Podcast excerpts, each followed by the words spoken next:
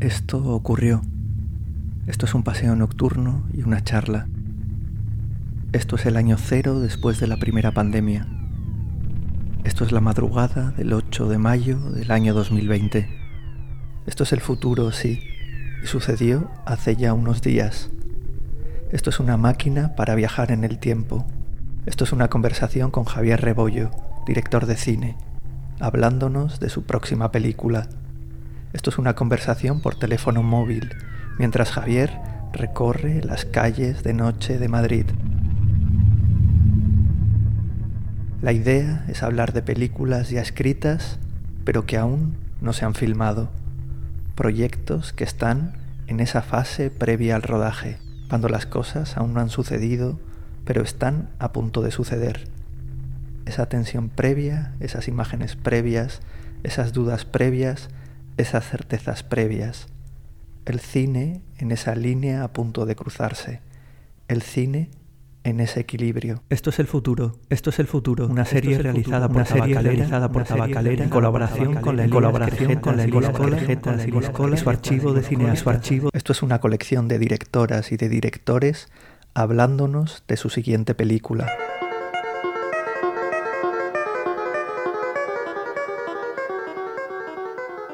En la conversación con Javier hablamos de Serezade, hablamos de no imágenes, hablamos de voces y hablamos de fantasmas, hablamos de cómo el primer traveling hacia atrás de la historia del cine contiene en sus imágenes de hace más de 100 años el proyecto de una película futura Hablamos de un misterioso cineasta llamado Gabriel Bay, de anuncios por palabra, de una bicicleta, de la patata, de un espectro, de disfraces y heterónimos, de Oliver Laxell, del, cine de serie B, de un animal salvaje con el que termina y empieza todo. Esto es el futuro, sí. Y la primera pregunta tiene que ver con la primera imagen de la que surgió el proyecto de la nueva película de Javier Rebollo, titulada En la alcoba del sultán. Todo comienza hoy aquí, en esta charla, con una negación. No hay imágenes. Pero después, poco a poco, van llegando los fantasmas. Esto ocurrió. Y así empieza.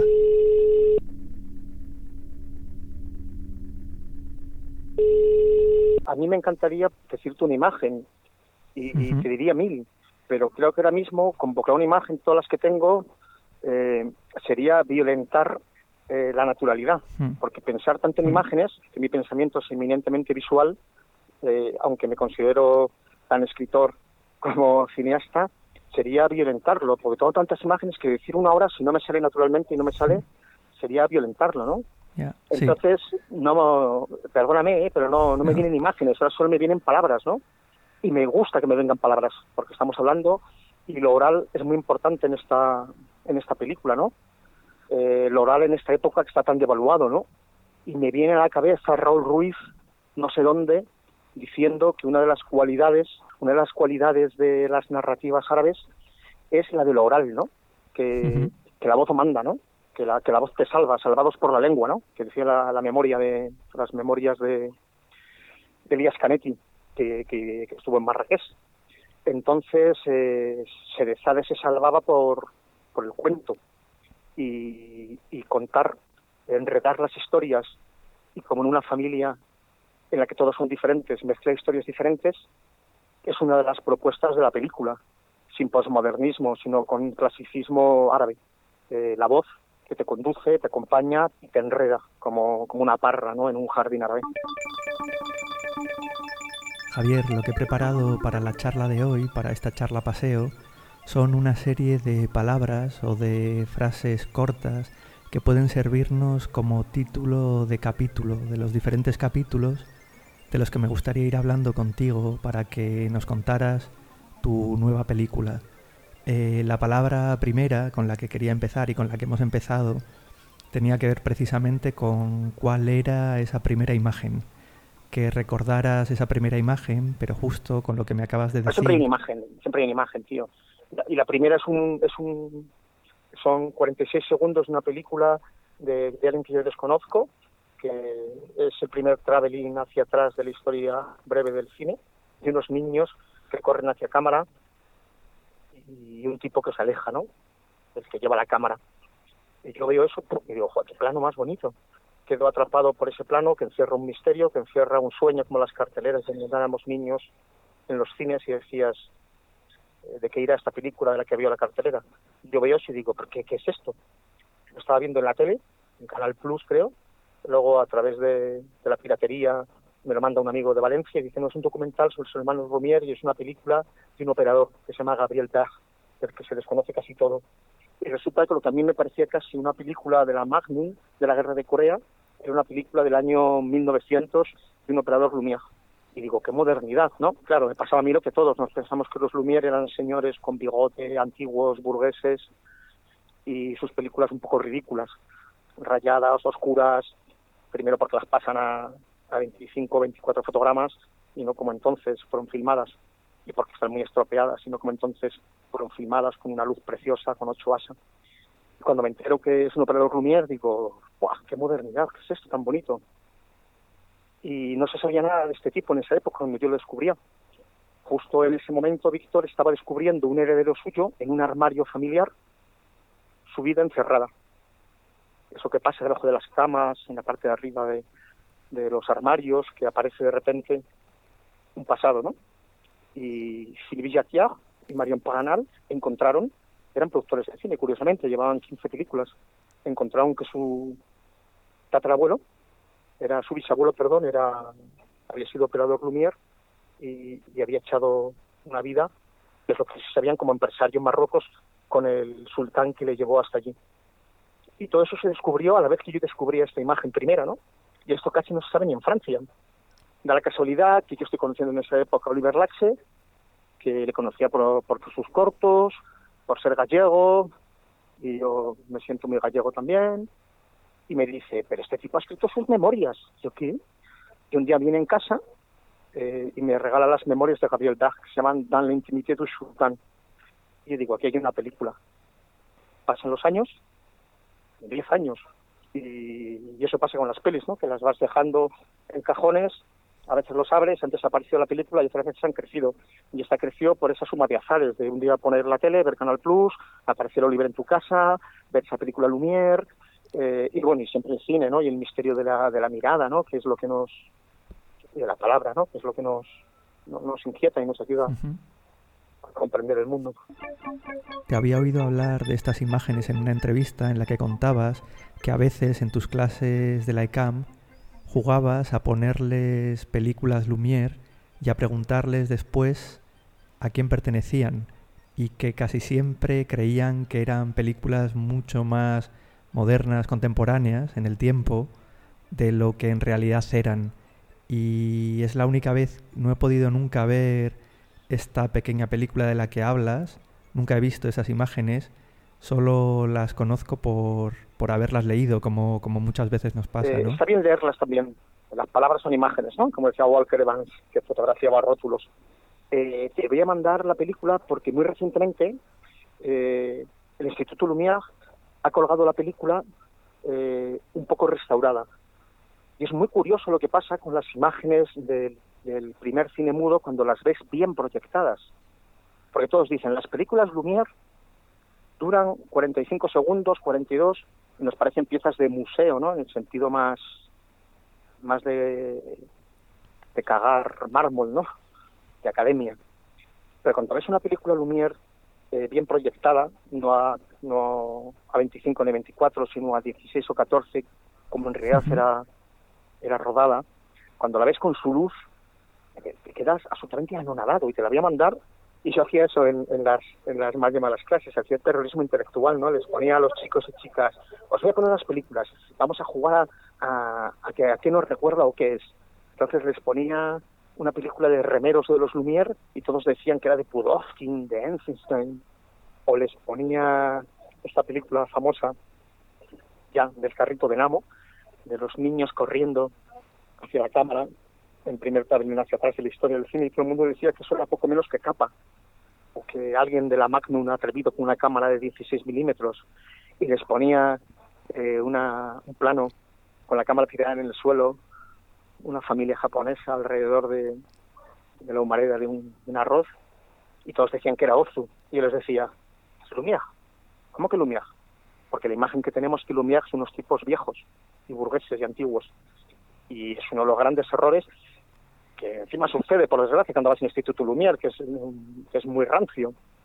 Eh, los Lumière eran muy modernos, eran, eran muy libres y solo porque tenían ese atrevimiento, sus operadores se permitían el atrevimiento de mandarles lo que le mandaban desde cada parte del mundo. Porque ya sabes que ellos no, no filmaban, hay muy pocas películas de Auguste Lumière, cual no filmó casi ninguna.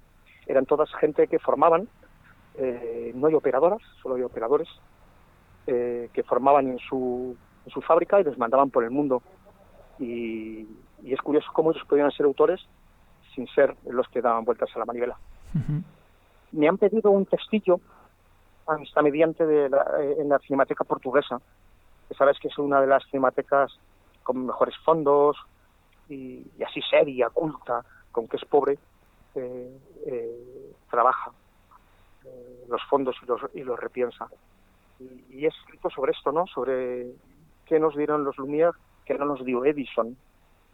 Y volvemos al origen de, esta película que, que dijiste al comienzo de la charla, la conversación, que qué primera imagen tenemos. Pues sí, otra primera imagen, ¿no?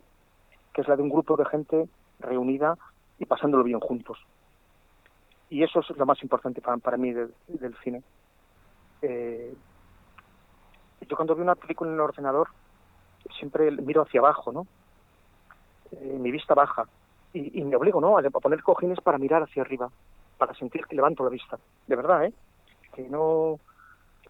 Y yo no me río igual en una sala de cine eh, llena, viendo una película, digamos, de, de Lubitsch, o de los Marx, o de, o de Berlanga, de las, de las últimas, que a solas en mi casa. Y eso es lo que hicieron los Lumière. Eso es lo que hacía Gabriel Berg. Eh, hacer cultura Mm, haciendo cine, que era transformando el arte con la tecnología en un espectáculo gregario. Y eso me interesa mucho, ¿no? Que, una pantalla eh, es algo, con perdón, religioso, en la que todos en comunidad gozan juntos, con todo lo que tiene de sucio también, la oscuridad, los... Eso, eso, eso me parece precioso. Y este texto que he hecho para Cinemática Portuguesa se titula Sacarlo de la caja. es algo histórico, que es lo que le dijo eh, el padre Antoine a los hijos en esta última entrevista que te comento eh, con, con Sadul le dijo Auguste dijo no papá nos dijo sacarlo de la caja ¿de qué caja? La caja pesadísima de casi una tonelada en donde Edison lo metió Edison metió el cine en una caja inventó Canal Plus te agachabas, te quitamos la cartera, se te caía el bombín y mirabas. ¿Y qué hicieron los Lumière? Lo sacaron de la caja y lo volvieron ligero. Hicieron una cámara, un aparato perfecto. ¿Por qué? Porque se podía ver en comunidad. Y esto lo sabe poca gente. Luego, producto de las necesidades industriales, malditas necesidades industriales, progresar no siempre es mejorar, decía Renoir, eh, se cambió. Pero la cámara original Lumière, y en la película nuestra quiero poder utilizar una, todavía no nos han dicho que no nos van a dejar. Hay un coleccionista en Aragón que creo que sí. La, la cámara original Lumière, tú sabes que filmaba. Después de filmar, revelaba. Previamente orientaba a las 12 del mediodía, lo que tú habías revelado se volvía positivo dentro de ella y después proyectaba. Era la máquina perfecta. Cada pieza servía para varias cosas a la vez. Como los buenos diálogos en el cine, ¿no? Que no solo sirven para una cosa. Entonces era una máquina perfecta, tío. Bueno, mm, ahí está la bicicleta. Segundo título de capítulo para seguir con la conversación, Javier. Muy escueto, muy directo, muy de otro tiempo, los anuncios por palabras. Yo sabía que a ti te iba a gustar esto de los anuncios por palabras, porque los anuncios de palabras nos gustan a los idealistas, ¿no? Que creemos que la vida puede ser encerrada en un cajón, ¿no? Con cuatro palabras. Hay muchos anuncios por palabras en las películas de Truffaut, ¿no?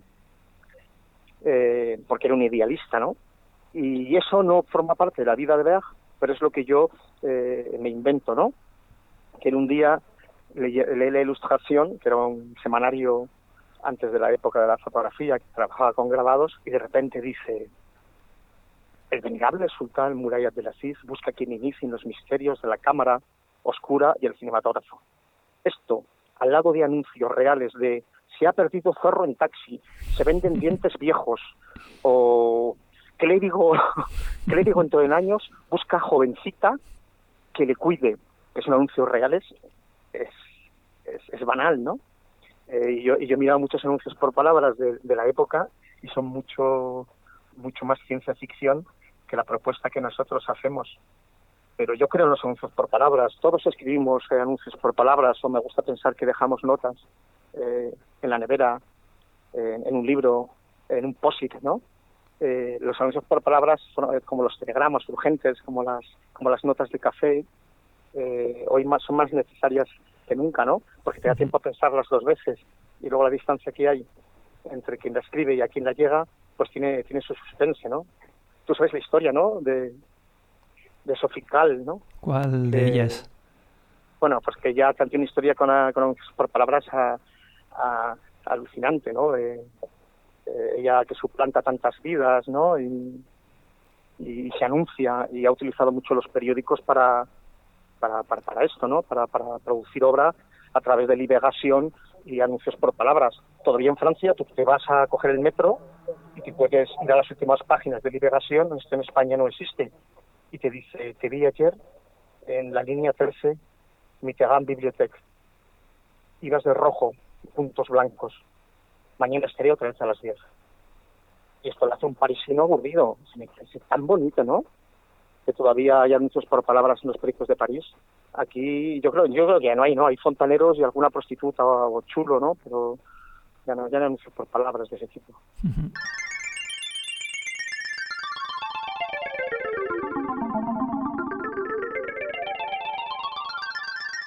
Tercera. Lo exótico, Javier, y una bicicleta en el desierto. Aquí una novela que es de las peores de Mark Twain, que es un yankee en la corte del rey Arturo, que es un gran título, ¿no? Que a mí me encantan las películas y las novelas de viajes en el tiempo, ¿no? Ahora que más que nunca deberíamos reivindicar a H.G. Wells, ¿no? Por el socialismo y las distopías y, el feminismo bien entendido, pues eh, H.G. Wells inventó aquella máquina y, y, Mark Twain casi a la vez eh, escribió un yankee en la, en la corte del rey Arturo, que es un tipo que como Spider-Man de repente sufre un shock y, aparece en, la corte de Camelot. Y el tipo pues sí introduce en vez de los caballos la bicicleta, la bombilla, el telégrafo y revoluciona, la época. Bueno, claro, es un chiste, ¿no? Que hemos visto en un montón de un montón de películas. Si te quedas solo en el chiste, puede estar bien pero tiene que haber algo más, yo creo, debajo, ¿no? Y en nuestra película, eh, en la película en marcha, eh, la bicicleta es muy importante, ¿no? Porque es un emblema, es un emblema de muchas otras cosas. Como eh, Occidente llega a Oriente y ejerce una injerencia, ¿no? A llevar pretendidamente la civilización, ¿no? Pretendidamente la, la cultura. Y, y, esto es algo que no sé si en el guion está muy claro, que creo que en Francia lo han visto muy bien, y es como el progreso, la cultura, la imaginación en realidad se la da el sultán a, un francés científico artista y no al revés. Es el quien le pide que fabrique una máquina a mejorar el cinematógrafo. Y la bicicleta le gusta mucho, pero ¿por qué no mejorar la bicicleta, no? Eh, y la cámara oscura le gusta, pero ¿por qué no hace una máquina mejorar el cinematógrafo que haga otras cosas solo que proyectar lo que vemos, sino que resucite los muertos? y, y el exotismo es algo muy peligroso, ¿no? y en Francia creo que nace, ¿no? Luego los catalanes lo toman, estos cuadros de esclavas, de esclavos, de, palmeras y de arenes. Y, yo creo que nos hemos lucrado, todo lo digo con, una soberbia inocente, ¿no? Nos hemos lucrado un montón de la imagen de Oriente a través de las películas, las postales eh, y las novelas. Nosotros queríamos no, no criticar, pero sí hablar de cómo eh, Oriente, que está tan mal visto, hoy más que nunca, ¿no? Eh, Marruecos, el, el Islam, incluso por intelectuales franceses, eh, con todo lo que viene pasando, eh, ha tenido que dar mucho a, ha dado mucho a Occidente, ¿no? y en esta película es el sultán de Marruecos, un joven infantil, quien, quien, le, quien le hace taller compartir el juego de la imaginación y de la fantasía, de por qué no crear algo juntos mejorado de una bicicleta, del cinematógrafo, de, y, eso para nosotros era muy importante, que no queríamos hacer a un, a un francés sabio, eh, bello, por eso el actor es muy importante que escojamos, ¿no? Y que llega allí, ¿no? Canchero, ¿no? Y con su bicicleta, con sus trucos, con su magia, y seduce a la corte. Lo hemos hecho la inversa. Eh, la colonización eh, funciona por, negativo, ¿no? Entonces, en la peli, en el guion, todas las cosas no son lo que parecen. Jugamos mucho con las apariencias, ¿no? las apariencias de exotismo, las apariencias de, Hay una trampa todo el rato para, para el espectador y para el lector. Hay un enigma, ¿no? Que las cosas no son, no son lo que aparentan. Y que es algo que está aquí en todas las películas que, que yo he hecho, ¿no? El placer de esperar que algo se revele sin que nunca llegues a saber en realidad lo que, lo, que es. Por eso hay trampantojos, por eso hay juegos de escala, por eso hay metonimias. Eh, pero era muy peligroso lo del exotismo es muy bonito poner a, un francés que interprete Nahuel Pérez Callar como una chilaba en el 1900 en un palacio. Empiezas haciendo eso y acabas poniendo, pues eso, a, a 20 concubinas tiradas en... Y las concubinas pues tenían bigote, eran mujeres más liberadas de lo que aparentan y, el sultán en concreto este, pues vivió un aperturismo difícil, pero que lo que permitía la historia en ese momento. Pero la bicicleta es divina, ¿no? Poner un tipo en bicicleta con una chilaba y además una cosa más bonita. Eh, hemos descubierto, y de verdad hay toda una pesquisa, eh, una pesquisa cinematográfica que estamos haciendo, histórica, y, ahora mismo te digo con toda la soberbia que soy uno de los mayores expertos en Gabriel Père eh, y en esta parte de la historia de los Lumière. Hemos encontrado una película que filmó un operador inglés de la que hay presuntamente, lo hemos comprobado porque justo llegó eh, todo esto, en el British Film Institute, en la que se le ve montar en bicicleta. ¿A Gabriel? No, al sultán. Ah. Pero hay una peli, una peli real. Pero tú, eh, sabes que antes, o sea, antes que Gabriel Berg eh, fuese a, Marruecos para enseñar cine al sultán Murayat de Aziz, eh, ahí estuvo James Avery, que era un gran operador, eh, americano, ahí estuvo otro operador inglés, pero no solo eso, estuvo estuvo Rosler, que era el director de fotografía de Murnau, en Amanecer. O sea, por allí pasó mucha gente a enseñar cine al sultán, y todo esto se ha contado muy poco. Yo me he ido encontrando esto eh, pues con el pretexto de hacer la película, pues viajando a Los Ángeles, a París, a Londres, a, Lyon, y al final he reunido un poco toda esta historia y bueno, haremos la peli, pero si no lo hacemos, pues vamos a hacer un libro, seguro muy divertido, sobre esta historia ínfima ¿no? de, del cine eh, en Marruecos.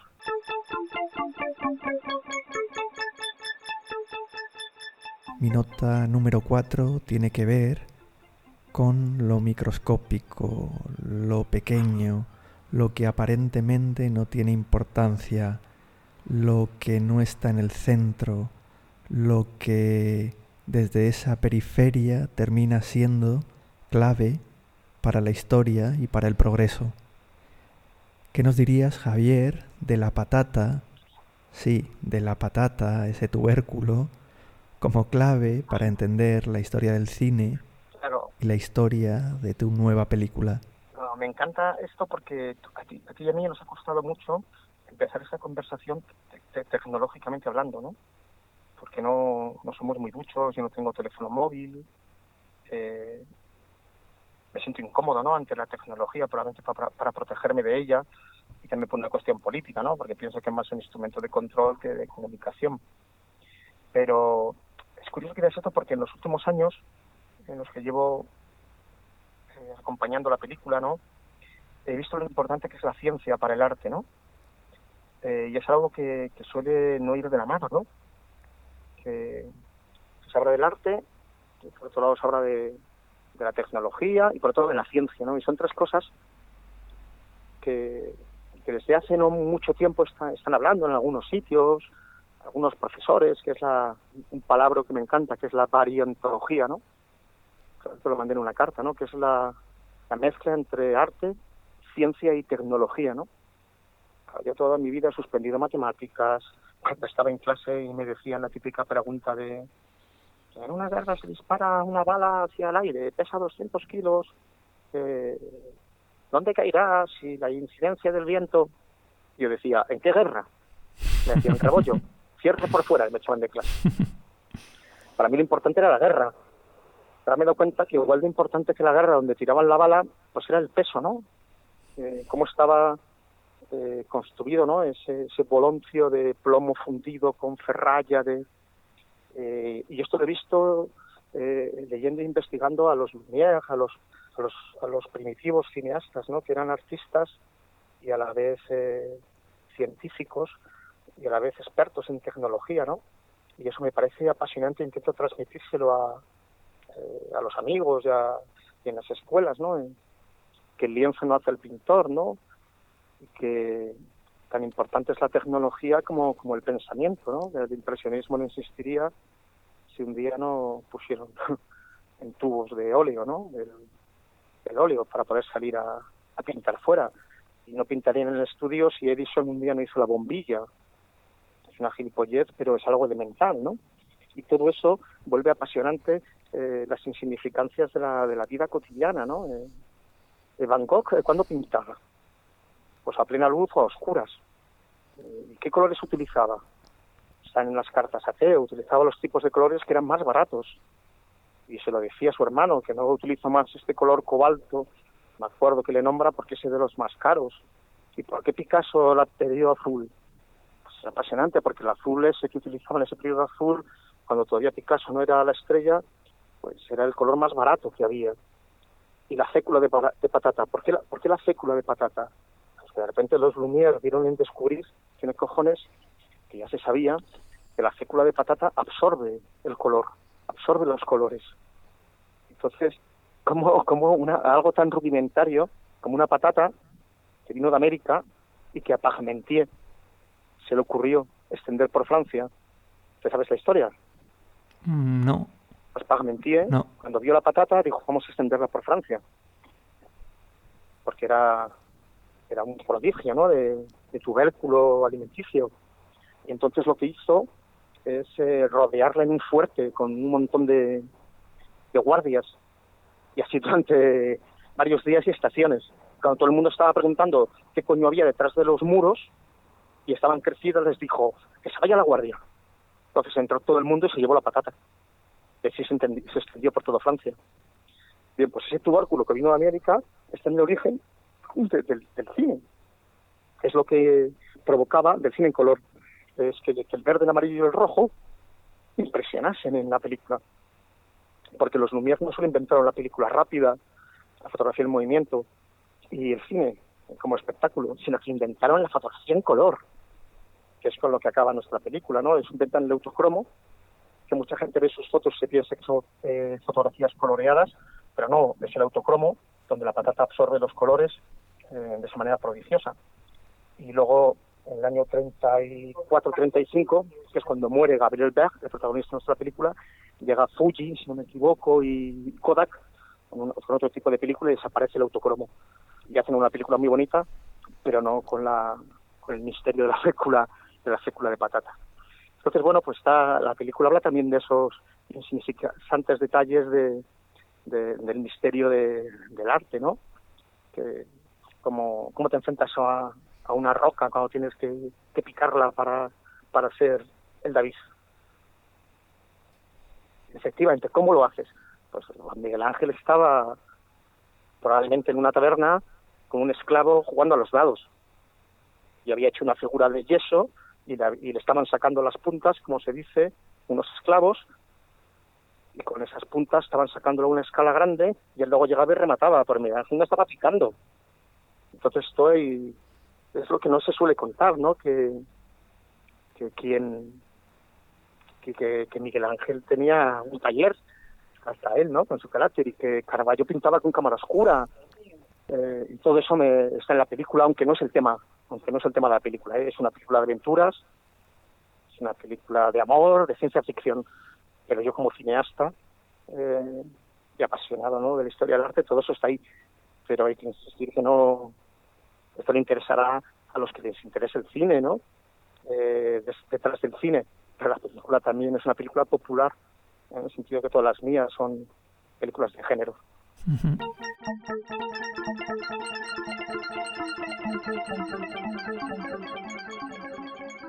Hablas de cine de género, de película de amor, de película de ciencia ficción, de aventuras. Intuyo, imagino que, como no podría ser de otra manera, estamos también ante una película de fantasmas, como todas las buenas películas que nos gustan y de las que solemos hablar. Leyendo el guion recuerdo un personaje que tú llamas la prometida muerta. Quería preguntarte, Javier, ¿de dónde surge, cuándo y cómo ese espectro? No, no me acuerdo. Cuando, cuando uno habla siempre habla a posteriori, ¿no? Con lo que le ha pasado. Entonces, si te lo dijera, estaría eh, violentando eh, lo que de verdad sería natural decirte. No me acuerdo. No me acuerdo. Sí sé que siempre nos enamoramos de un fantasma. Y ahí estoy citando a, a al que todos eh, critican, pero todos eh, disimuladamente citamos sin parar desde hace 20 años, ¿no? Siempre nos enamoramos de un fantasma.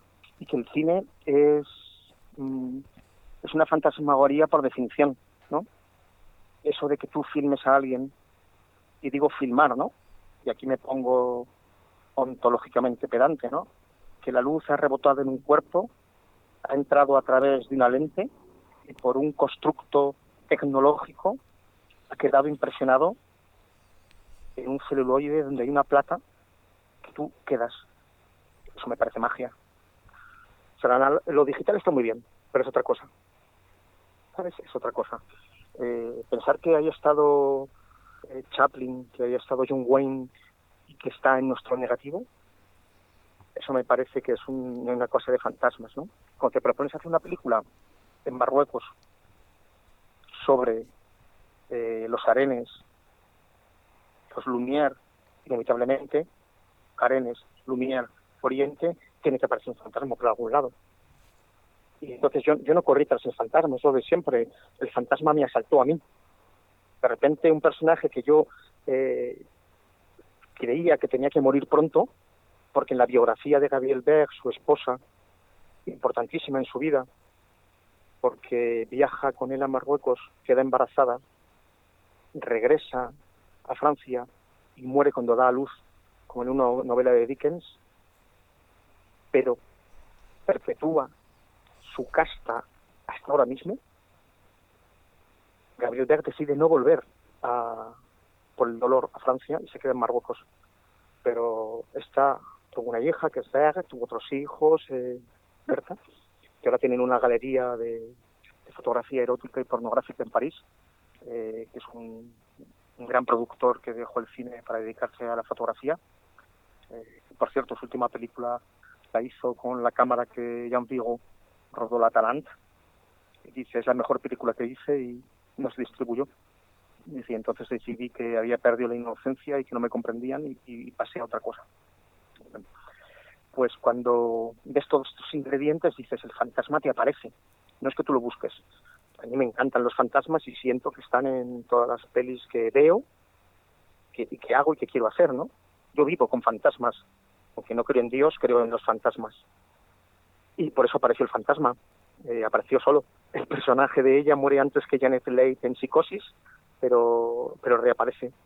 Y vamos, y le, hemos, y vamos a seguir trabajando para que para que coja más cuerpo y sea un fantasma un fantasma divertido como los de Oscar Wilde, ¿no? El fantasma de Canterville y que haga berradas. Película de aventuras, película de fantasmas y también película de disfraces.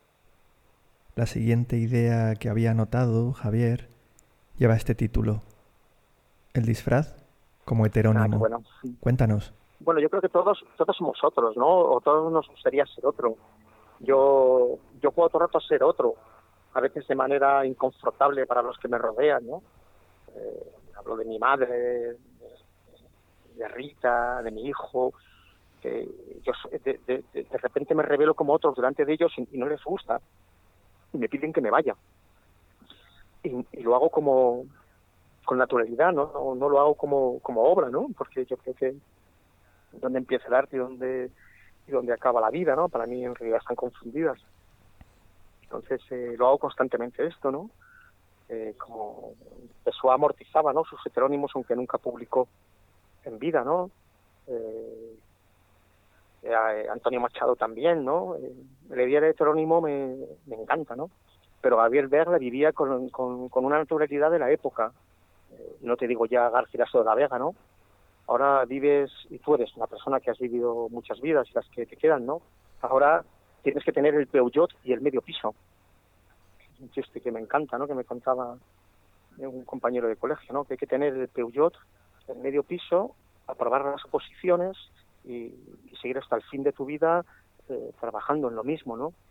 Pero antes, en cambio, eh, estabas en, eras militar, pasabas luego a ser cura, lo había sido antes y que cura eras guerrero, de guerrero pasabas a poeta, luego estabas encarcelado y acaso luego te hacías vagabundo y acabas dando en morir después de componer, no lo sé, ahí están Cervantes, Garcilaso y un montón de aventureros que no han dejado nada, pero que era propio de, cambiar de vida cuando se vivía tampoco. Y hoy en día es horrible, ¿no? cuando vas en hacer algo, eres lo mismo hasta el final de tu vida. Eh, y a mí me encanta la idea de que Gabriel Berg, el operador Lumière, el gran operador Lumière, se ha revelado en los últimos años junto a Alexander Proemio. Hay que decir que de los dos es de los que más obras se conserva. Proemio tiene como 150 películas y Berg como 70. Luego hay otro que tiene la verdadera película, ¿no?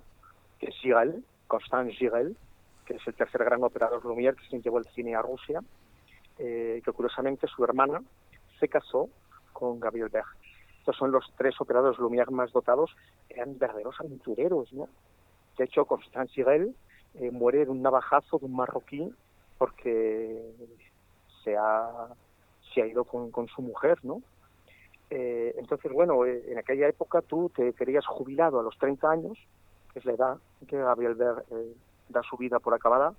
Con 30 años, el tipo ha llevado el cine, ha filmado y lo ha exhibido en Cuba, en todo el Caribe, en Colombia, en Canadá. Esto se ha salido hace poco y hay documentos a los, a los indios del Canadá que filmó. En Estados Unidos no, eh, aunque también estuvo.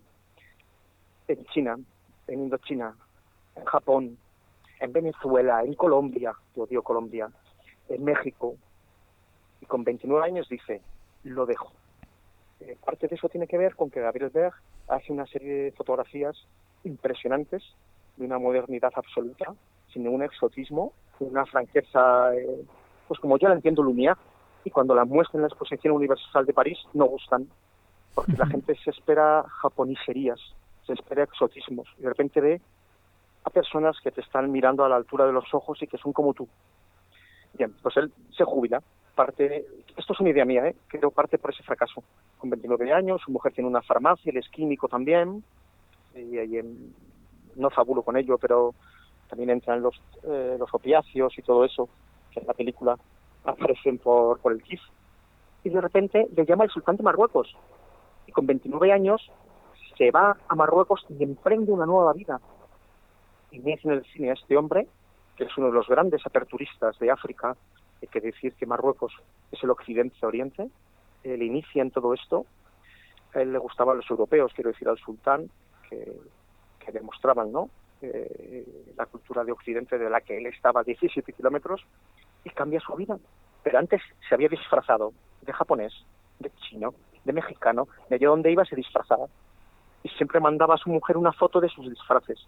Pero cuando él se disfrazaba, y esto es algo para mí muy importante en la peli, no se disfrazaba, él era, ¿sabes? Es como cuando los médicos del mundo, eh, eh, eh, los médicos sin fronteras viajan a sitios y están viviendo 10 años en el Kurdistán y acaban adoptando el aspecto físico, la ropa, se quitan los calzoncillos, se ponen los pantalones anchos, porque ya son, no es un disfraz. Entonces yo cuando vi las fotos de Gabriel Berg disfrazado de chino mandarino, de japonés, de mexicano, que la primera foto de la historia en color de un ser humano la hizo Gabriel Berg en México, disfrazado de mexicano, no, siendo mexicano, es que él era mexicano. Eh, entonces eso es muy, muy interesante. ¿Tú te disfrazas o eres? ¿Sabes de quién me he acordado cuando hablabas de todo esto, Javier?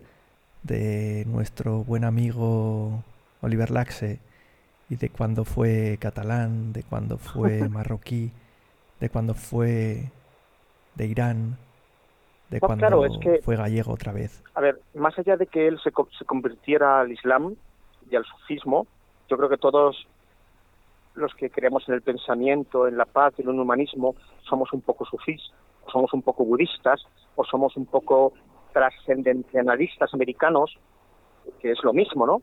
Por eso si yo abrazara alguna religión, sería esa religión de los Baihais, ¿no? Que, creen en, todos los dioses, ¿no? Y sobre todo en los buenos, ¿no? Pues yo creo que cuando Oliver abraza el Islam, lo está abrazando de verdad. Y cuando vuelve y de repente se afeita y, ya no tiene pelo, pues ahora está abrazando el galleguismo. Y cuando en la próxima eh, esté viviendo en, con los Amy's, pues será Amy's. Y creo que es un error que digamos que, el director va con la corriente, ¿no? El director es, la corriente, ¿no? Y el cine es una forma de vida, ¿no? No es... Y, Oliver eh, nos ha dado una lección a muchos, ¿no? con toda con todo su con toda su soberbia y con su gigantismo no la soberbia de hacer las cosas porque sí no hace falta estar convencido de algo para hacerlo y eso me parece algo tan sabio en Oliver Oliver Laxe tiene una una humilde soberbia no y aunque no estaba seguro de nada lo ha hecho todo y, por eso está tan buena su última película del fuego no eh, compartimos ayudantes, ¿sabes? A, Luis Bertolo. Eh, eh, yo le presenté a, Luis y yo creo que Luis nos alumbra a todos, a Isaki, a Oliver, a mí. Es muy bonito porque un día, porque yo me olvido de todo, en esa intención de no proyectar hacia el pasado, creo que tengo que empezar a cambiarla, eh, porque era muy nostálgico y ya me estoy analizando, eso me parece mal. un día le digo a Luis Bertolo, oye Luis, ¿tú de que conoces a, a Isaki y a Oliver? porque son siempre los temas de conversación, porque somos un grupo de amigos muy querido, y dice, coño Javi, ¿me los presentaste tú? Porque los dos iban a hacer una película y dije, no, no pongas ese ayudante, tienes que tener otro. y hay que decir que Luis Berto, que es el ayudante de Isaac y de Oliver, es el guionista conmigo de, esta película de Tan la sombra del sultán, en la alcoba del sultán. Y para mí es natural que mi ayudante bueno, yo intenté que firmásemos la película juntos, pero se encargó Natalie, la productora francesa, de, que no. Pero para mí, eh, Luis Bertol es como mi, mi codirector, mi, mi co-guionista, es muy natural. Antes hemos hablado de la bicicleta, Javier, ciclismo y cine. Y ahora me gustaría hablar de otra asociación, tenis y cine. La bicicleta es el cine. La, bicicleta es el cine. Eso es muy importante. Pero todo va a la vez. Y esto es lo que no se dice. Todo va a la vez. El otro día he comprado una revista de astrología que compro porque me encantan las estrellas. En Madrid se ven poco, pero me encanta la astrología. y en la portada ponía astrología y cine. Y claro, lo celebré que era un especial dedicado a la astrología y el cine. Y salía la maravillosa maldita luna de Melíes, que es uno de mis lectores favoritos. Y vi un artículo absolutamente mediocre en el que nada se hablaba del misterio de las lentes ópticas y de el revólver. Porque una rueda que gira a través de una cadena es la misma que gira con el revólver, es la misma que gira con la máquina de coser, es la misma que gira cuando Hansen, mucho antes que el cine, fotografía El paso de la luna por Venus, que es una de las primeras películas de la historia del cine científicas antes del cine.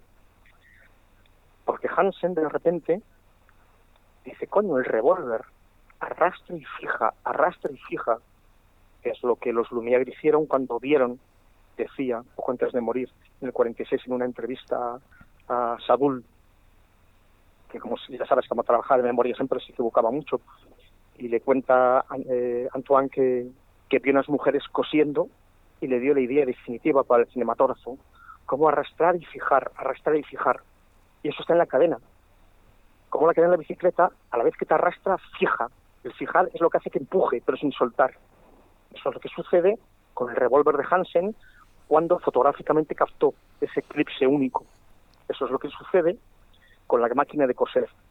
Y en esa revista nadie hablaba de esto. Luego me encantó en esta revista de astronomía que había un artículo precioso de un admirado escritor, productor, que es Martin Polly, y hablaba de lo que le debemos a las abejas. Y decía, con mucha luz las abejas se nos van. Sin abejas y sin noche no tenemos luz. Y dije, bueno, no pasa nada. Pero que cuando pensamos en el cine y la astrología seguimos pensando en 2001. No, eh, hay que volver de nuevo a las ópticas, a las lentes, a la cadena de la bicicleta como tú estás haciendo, ¿no? Arrastrar y fijar. Por eso es tan importante en la película la bicicleta. Eh, y hay algo que no está todavía, pero por algún lado eh, me gustaría poner un revólver en, la película también. ¿Y el tenis, Javier? Cuando Michel Sion, que es un gran músico, eh, creo que sigue vivo, ¿no? Eh, él dice que el único deporte, eh, lo cuenta en Audivisión, creo, el único deporte en donde hay silencio soportable es el tenis. la gente no se atreve a hacer un silencio soportable en el fútbol. Sería apasionante, yo creo. Yo cuando, cuando trabajaba en televisión, hace mil años, les decía a los realizadores y decían, no es posible. Pero yo imaginaba, luego lo han hecho algunos artistas contemporáneos, ¿no? Eh, Douglas, ¿no? Y Flip no en Zidane. Pero imagínate con micrófonos cercanos ver la intensidad eh, y el sonido del cuero eh, contra el cuero o el plástico del pie, del empeine del pie en el fútbol. No se atreven, ¿no? Porque hay un horror vacuo en el peor sentido de la palabra. Entonces, en el tenis, eh, decía esta es el único deporte que, que, que permite el silencio, ¿no? Y la montadora de esta película, que ha montado una película tuya, Invisible, eh, va a ser Marine de Conde, que ella ha sido juez de Roland Garros. a ver, Marine ha sido juez de Roland Garros ella, como hemos hablado de otras vidas, como Garcilaso, ha tenido otras vidas. Y ella estuvo a punto de dedicarse al tenis como, como subiéndose en esa silla alta, ¿no? Y el tenis es apasionante, ¿no? Porque hay un suspense que nace de todo esto. Y desde que hemos empezado a hablar, pienso en Foster Wallace, que es un escritor que ha alimentado mucho esta película. Eh, eh, al lado de mi, de mi cama tengo unas cajas de vino colgadas llenas de libros, que son los libros que me acompañan todo el rato desde desde los últimos años, se van cambiando, van mudando, ¿no? Y siempre está Foster Wallace. Foster Wallace, Pessoa, eh, eh, libros de Cioran, siempre Cioran, de Beckett, de Kafka, pero Foster Wallace siempre está. Y Foster Wallace tiene un libro precioso sobre tenis, en el que el tenis como ta ta ta ta ta ta ta y hace ese enfrentamiento no entre Nadal y Federer, ¿no? Eh, siendo reduccionistas, uno sería la fuerza y otro la poesía, ¿no? Y, me gusta Foster Wallace porque él eh, cogía las eh, los temas clásicos, la narrativa clásica, y con sin, sin cinismo, pues la, enredaba. Y es lo que esta película también hace, ¿no? Toma los géneros y los, a, a partir de un amor por el relato, como en las mil y una noches, por la narración, eh, llega al exceso.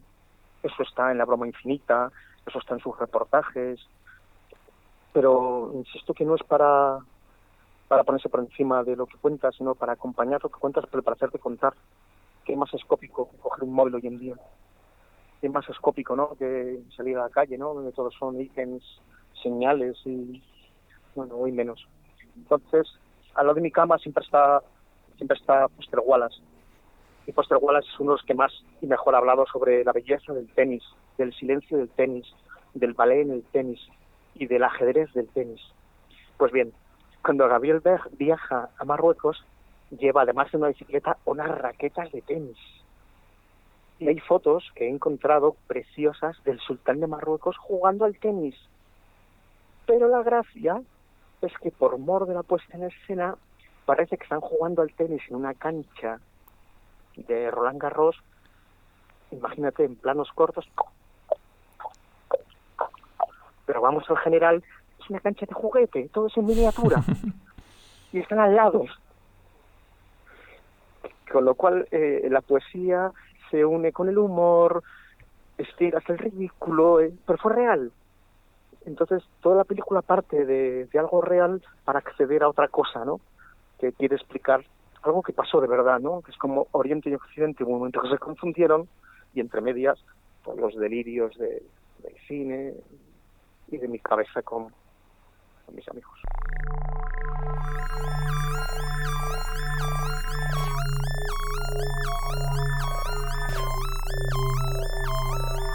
Capítulo 8. Sonido y cine. Cuéntame, Javier, sonidos de la película. ¿A qué suena? Hay voces, pero también hay canciones. Y tenemos a Bonnie Prince Billy, alias Palas, alias Will Oldham.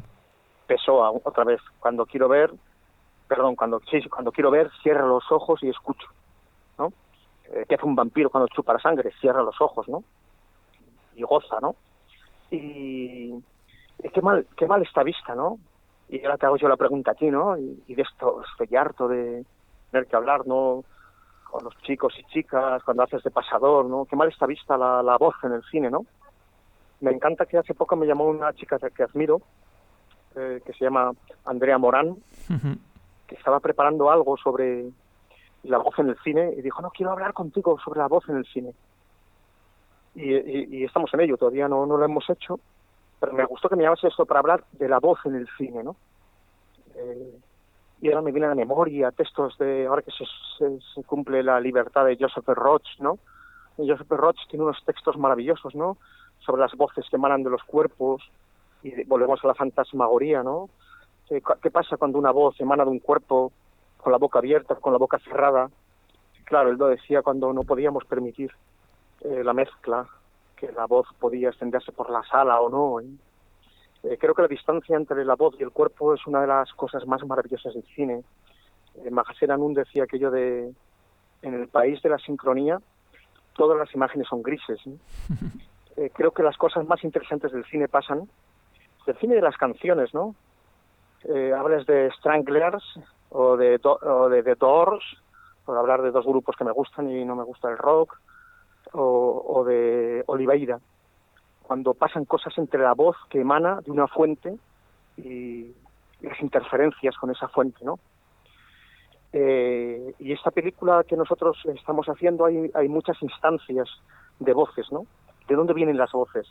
A veces vienen de alguien que lee una carta, a veces viene alguien que ha robado esa carta y en sus labios escucha a quien la escribió, otras veces viene de quien la recibe cuando la lee, otras veces viene de una instancia, digamos, omnisciente, que parece ser el director pero no lo es.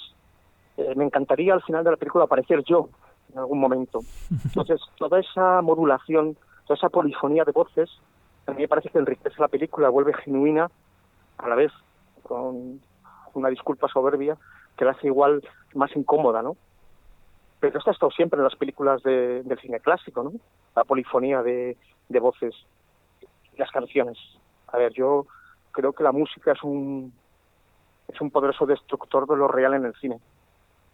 Eh, creo que la música destruye las imágenes que, que quiere alimentar, ¿no? Estoy convencido. Y los cineastas que más admiro eh, no, no utilizan la música, sino de otra manera. Pero a la vez es lo que más me gusta, la música en el cine. Es una contradicción, ¿no? Y hay una serie de cineastas que de repente utilizan la música de una manera diferente, ¿no? El mismo Romer, que la odiaba, ¿no? O Jacques Tourneur, que es una, otro modelo para esta película, o el, o el musical, ¿no? Cuando los personajes sienten tanto que se ponen a cantar. Y en esta película eh, me gusta mucho la idea de que hay, llega un momento que la película se inflama y ya solo puede expresarse como esos musicales de Adolf Green y Betty Condon eh, que hizo con Stevie Donen, que cantando cuando la película ya no soporta más pero de una manera que, quiero pensar respetuosa no no nunca el director por encima y si no espero cambiarlo en rodaje los personajes cantan y es cuando de repente entra un caballo blanco con un artista que admiramos mucho que es Will Oldham, Bonnie Prince Billy y se pone a cantar Pero ya ha habido canciones antes. Yo creo que la voz siempre es música, ¿no? Yo adoro, adoro la voz en off. En todas mis películas hay, voz en off. Solo que, que, dicen que la voz en off es de escuela, que, es mala. Eh. Es muy gracioso porque la productora, Nathalie Trafo, es una admirada productora francesa, hace un año de repente viene a casa, me ve con Joao, que es mi niño, que tú conoces, y estábamos viendo una película, ¿no? Yo a Joao le cuento las películas mientras las vemos. Él las, ve siempre, en, inglés, en alemán, en checo, en... cuando está en español, se las cuento. Cuando están en checo se las cuento también. Como un Benji, ¿no? Como aquellos contadores de películas japoneses que en España estuvieron hasta los años 50 también, lo sabía. Y de repente me dice la tía, estábamos viendo, no sé, un Hitchcock que dice, hostia, se la comprendo todo, tío, tu puta voz en voz, pero si siempre hablas por encima. Porque eso estaba en el Muerto y Ser Feliz, ¿no? Yo me acuerdo, tú, tú, trabajas en el Festival de San Sebastián, bueno, entonces no estabas. Cuando se pasó el Muerto y Ser Feliz en el Festival de San Sebastián, la primera pregunta de los críticos de provincias que vinieron a... Porque siempre sabes que hay muchos críticos con todo el respeto por las provincias, ¿no? hay muchos críticos de provincia acreditados ¿no? en, los festivales y más en Sebastián, dijeron, disculpe, ¿esta voz en off que repite todo lo que se ve todo el rato? Yo le dije, Ay, disculpe, es que se activó el audio comentario, pero mañana, mañana va a pasar en la sala 4 del cubo 8 y allí le va a ver sin el comentario activado. Todavía hoy escuchan la voz y no ven que es un instrumento más. Se creen que es una redundancia. la palabra, Dios mío, la palabra es lo más maravilloso creo que se entabla un, un juego diferente, ¿no? Eh, porque la palabra entra en contradicción con la imagen y eso hace crecer el sentido. ¿Por qué? Porque lo suspende todo el rato. Y por eso me gustan los subtítulos también. Si tú utilizas un subtítulo de manera creativa, el subtítulo contradice lo que dice la imagen. Por eso eran muy listos, ¿no? Eh, Kubrick y, Hitchcock. Hacían un cine de formas tan puras hacer un cine de, una caligrafía tan cerrada que no querían los subtítulos y exigían el doblaje. No sé, a mí me encanta la música en el cine mudo y fíjate qué ya te estoy diciendo. El cine nunca fue silencioso, tú lo sabes, ¿no? Siempre, siempre hubo un foso, ¿no? Y, los actores se movían porque había una música, eh, primero durante el rodaje, eh, en el set, eh, normalmente un trío, ¿no? Con un pianito, con un cello, con un violín. Y eso contaminaba a los cuerpos de los actores. Eso me lo, contó una vez Miguel Marías. Entonces los actores se movían, ¿no? Con esa musicalidad.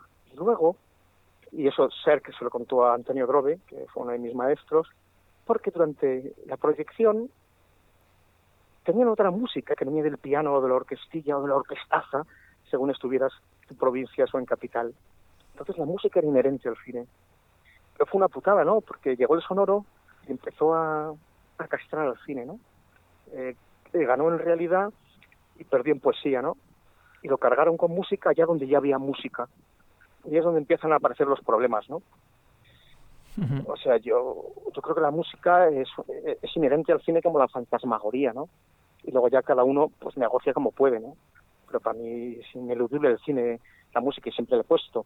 Y en esta, bueno, ya eh, tú, sabes, El Muerte es Ser Feliz, la última película que hice en largometraje, acaba con una canción. Una canción que yo compuse, en la que hay tres finales diferentes, que narra a alguien. Como en aquella película de Fritz Lang, Notorious, se llamó Rancho, Rancho Notorious, como los romances de, Ciego, como los blues. Pero es que creo que se ha hecho lo que te iba a contar de los Straub, ¿no? A mí me encantan los Straub. Eh, perdón, a él le enfada que se diga los Straub, Jean-Marie Straub y Daniel Villet.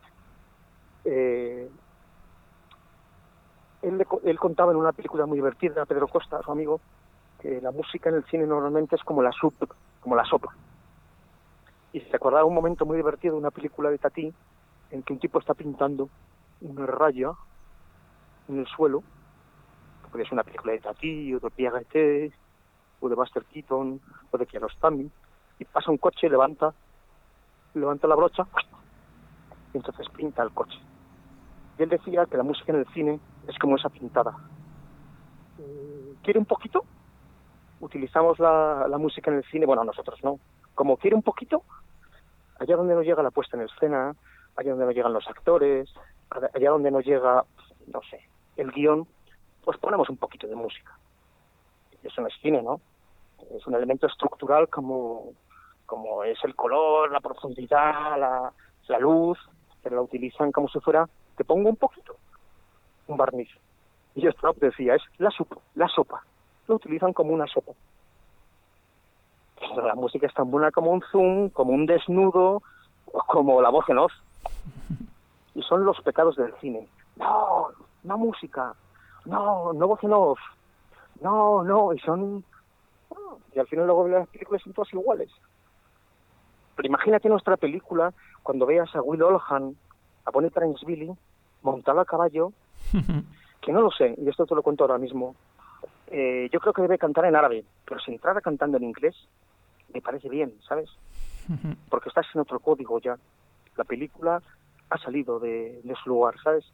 No es lo mismo que hable en árabe, que hable en inglés, o que mueve la boca y salgan subtítulos. Quand on voyait le genre de savoir qui circulait sur le net. Y de la boca a la mano, Javier. La mano, la mano, la mano. Cuéntanos esa historia de serie B protagonizada por una mano. A ver, es, es lo que te, iba a preguntar que si habías pensado. Para mí las manos son muy importantes. Eh, a mí me encanta tocar. Yo cuando estreno El Muerte ser feliz en Donosti muere Marcela Nun, una de las personas que más he querido en mi vida, eh, y él me decía, Marcela Nun, que, que prefería quedarse ciego antes que perder las manos. Eso también, eh, igual, estaba tomándolo, eso también lo dice mucho Godard, ¿no? El tocar, ¿no? Y está bien que lo digamos hoy, ¿no? Que está tan mal visto, ¿no? Lo de tocar al otro. Porque el tocar te relaciona con el cuerpo, con la materia, con la textura.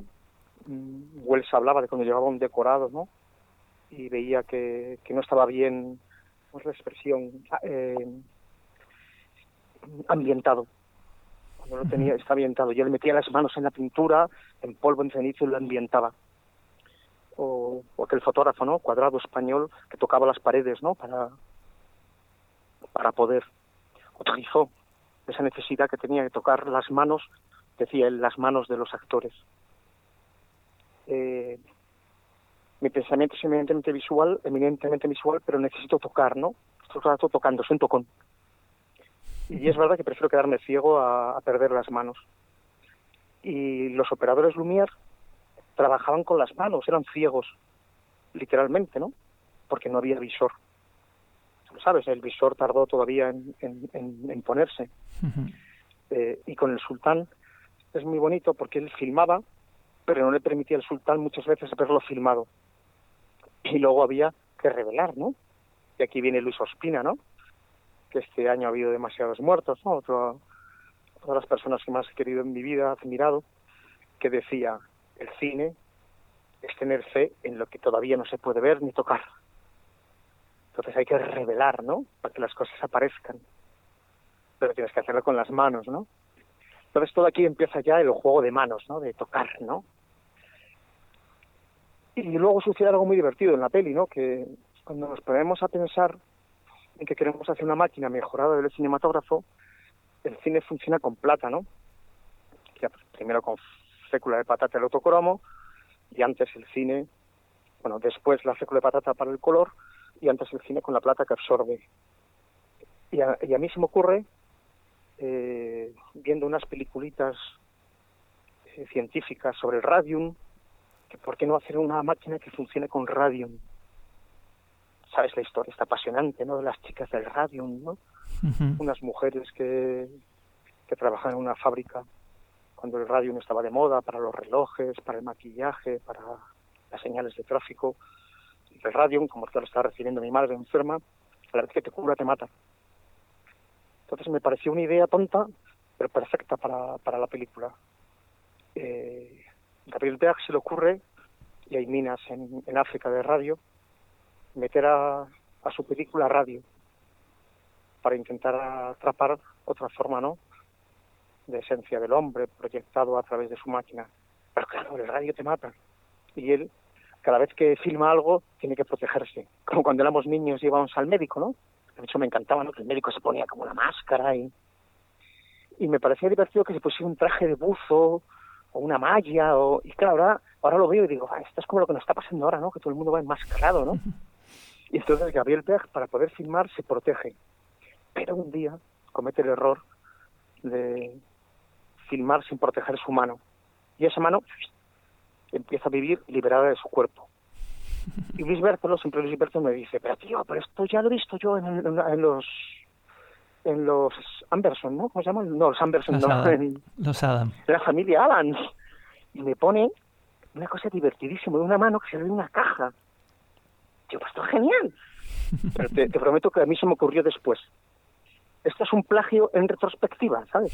Entonces hicimos que la mano cobra vida y vive liberada de ellos. Que va a ser uno de los problemas a nivel tecnológico de la película, cómo filmar esa mano. Entonces, imagínate que una mano liberada puedes hacer de todo, ¿no? Que te toque a ti cuando no quieres, que toque a otros cuando tú no estás, la mano que se maquille a sí misma y simule ser otra, la mano que hable, o sea, podemos hacer lo que queramos. Y luego yo me acuerdo de una película de Robert Florey, que, que adoro, se llama eh, La Bestia, eh, Bestia de, de los Cinco Dedos. Que es una película de Robert Florey, que era un director, como sabes, de serie B, muy talentoso, que trabajó con Murnau, que le robó la idea de la mano a Buñuel. Que se lo contó un día, cuando Buñuel estaba trabajando en la Paramount, cuando le mandaron allá, cuando ya no hacía cine en España porque estaba escapando. Y lo divertido es que él se la quedó y hizo esta peli que es muy buena, con Peter Lorre, el famoso morfinómano. Y luego la recuperó eh, la idea Buñuel en el discreto, no, los que no pueden ser del cuarto, ¿cómo se llama? El ángel exterminador. El ángel exterminador. Luego la recupera Buñuel el ángel exterminador, que aparece la mano así muy cutre. Entonces de repente la mano de Buñuel, la mano que mi padre, que trabajaba haciendo ex, eh, esculturas para iglesias, eh, para santos y nos traía una mano y nos la daba escondiéndola debajo de la chaqueta y era de madera. Entonces la mano de mi padre que trabajaba en las iglesias, la mano de Robert Flory, la mano de Buñuel, la mano de la familia de Adams y el radio.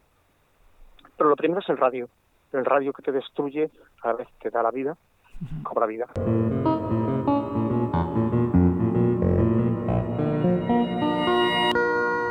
La última palabra que tengo anotada en mi cuaderno de notas es un animal, un animal salvaje. Con esto terminamos el paseo. Con esto damos fin al futuro de hoy, a este inicio de colección de películas que están a punto de filmarse y que podemos ir ya imaginando. Cuéntanos, Javier, la historia del animal salvaje con la que se cierra tu película. Me encanta que hables de, del león. Eh, a Luis Bertolo le digo, Luis, esto no podemos decir solo a los actores, a Luis mi ayudante. Digo, pero lo más importante de la película son una bicicleta, una vaca, que hemos hablado de ella, un león y una mano que se mueve por el suelo. Entonces dices, es una película protagonizada por una vaca, un león, una mano como eso que decía Trova, ¿no? De un condenado a muerte se ha escapado, es una película protagonizada por una cuchara y un prisionero. bueno, pues esto es León. Y cuando yo empiezo a decir de verdad que el León es uno de los protagonistas, la productora, que ella es sabia y, y lista, dice que, que el león no, que no se puede trabajar con leones y que en África menos. Y Luis Bertolo, luego me lo contó él, le dijo, mira Natalie, quítale lo que quieras, pero el león no puedes quitárselo. y ella lo entendió, el león no puede quitarlo. Dicho esto, tú sabes lo que significa, no te hablo, en la coyuntura actual, llevar un bendito león a Marruecos, que es la, la encarnación de la dinastía alagüita, de los sultanes, era lo que representaba el poder esto ha desaparecido.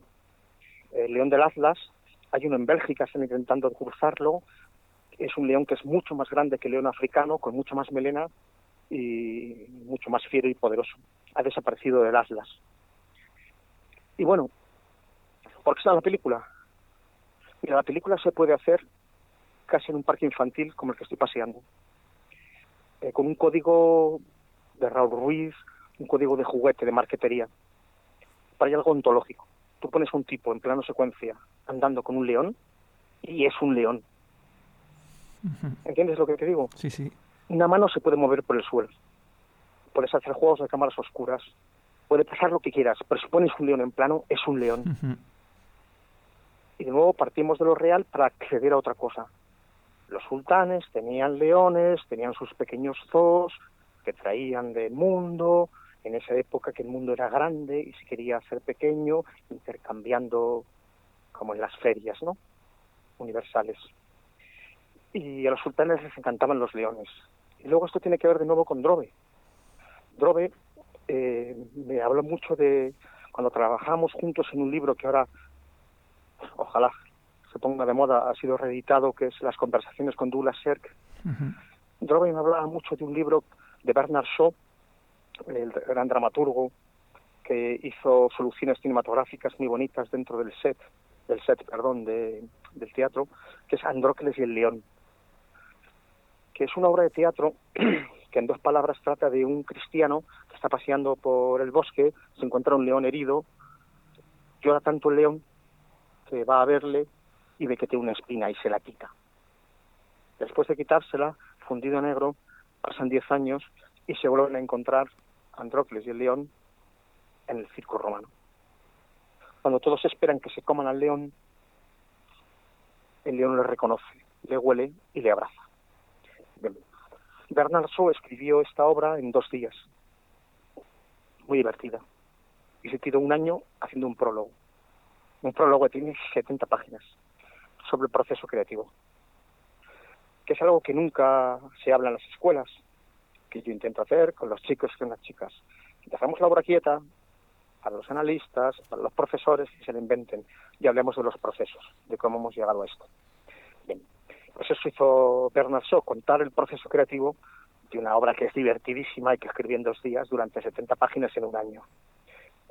Y lo tomé para la peli, ¿no? Eso me lo regaló Antonio, son cosas que quedan en el estercolero de la cabeza, y es que Gabriel Berg, partiendo de algo real, había leones en la corte del sultán, un día le ve lloroso y rugiente, le quita la espina y desde ese día, narcotizado, con plega químico, desde ese día el sultán le sigue por todos, el, el león le sigue por todos lados.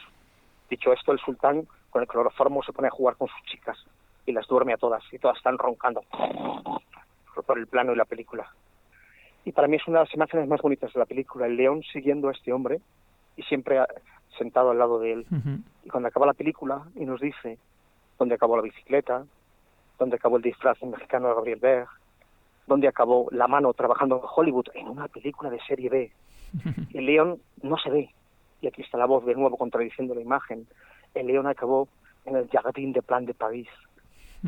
Y es una discusión muy grande. En la sala 2, vitrina 4. ¿Tú qué entiendes? Que está disecado. Sala 2, vitrina 4. Que está muerto. Disecado. ¿Disecado o vivo? Disecado. Claro, porque decía Natalie, la productora, empage, que significa disecado. Y nosotros decíamos, Luis Roberto le decía, no, si está en el Jardín de Place, eh, sala 2, vitrina 4, está disecado. Pero no se ve eso, la voz lo dice, lo que se ve, y es el último plano de la película, y supongo de esta charla, es después de morir el personaje, al león lamiéndole. A la puerta de la ciudad, al personaje que ha muerto, de repente rejuvenecido. Y, ahí es donde se suspende el sentido. La voz niega la imagen, la imagen niega la voz, el león está muerto pero no está muerto, está en París pero está aquí. Para mí eso es cine.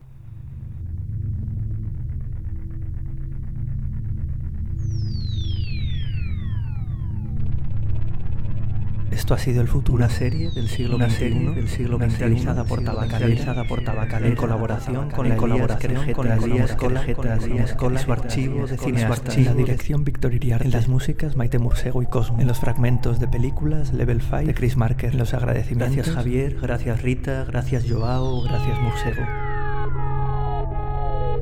Esto es el final, esto es el principio. Esto ocurrió. Y así termina el fragmento de una clase de Will Oldham en la Academia de Música de Louisville. I've got this, it's a rhythm. Joy and jubilee, joy and joy and jubilee. And then, and then everything stops and I go, and everything is on the wing.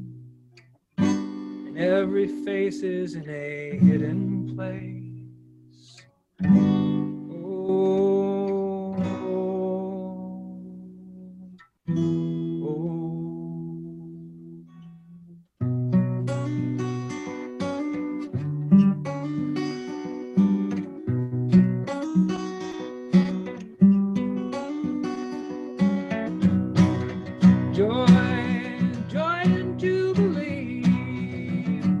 blah, blah, blah, like that.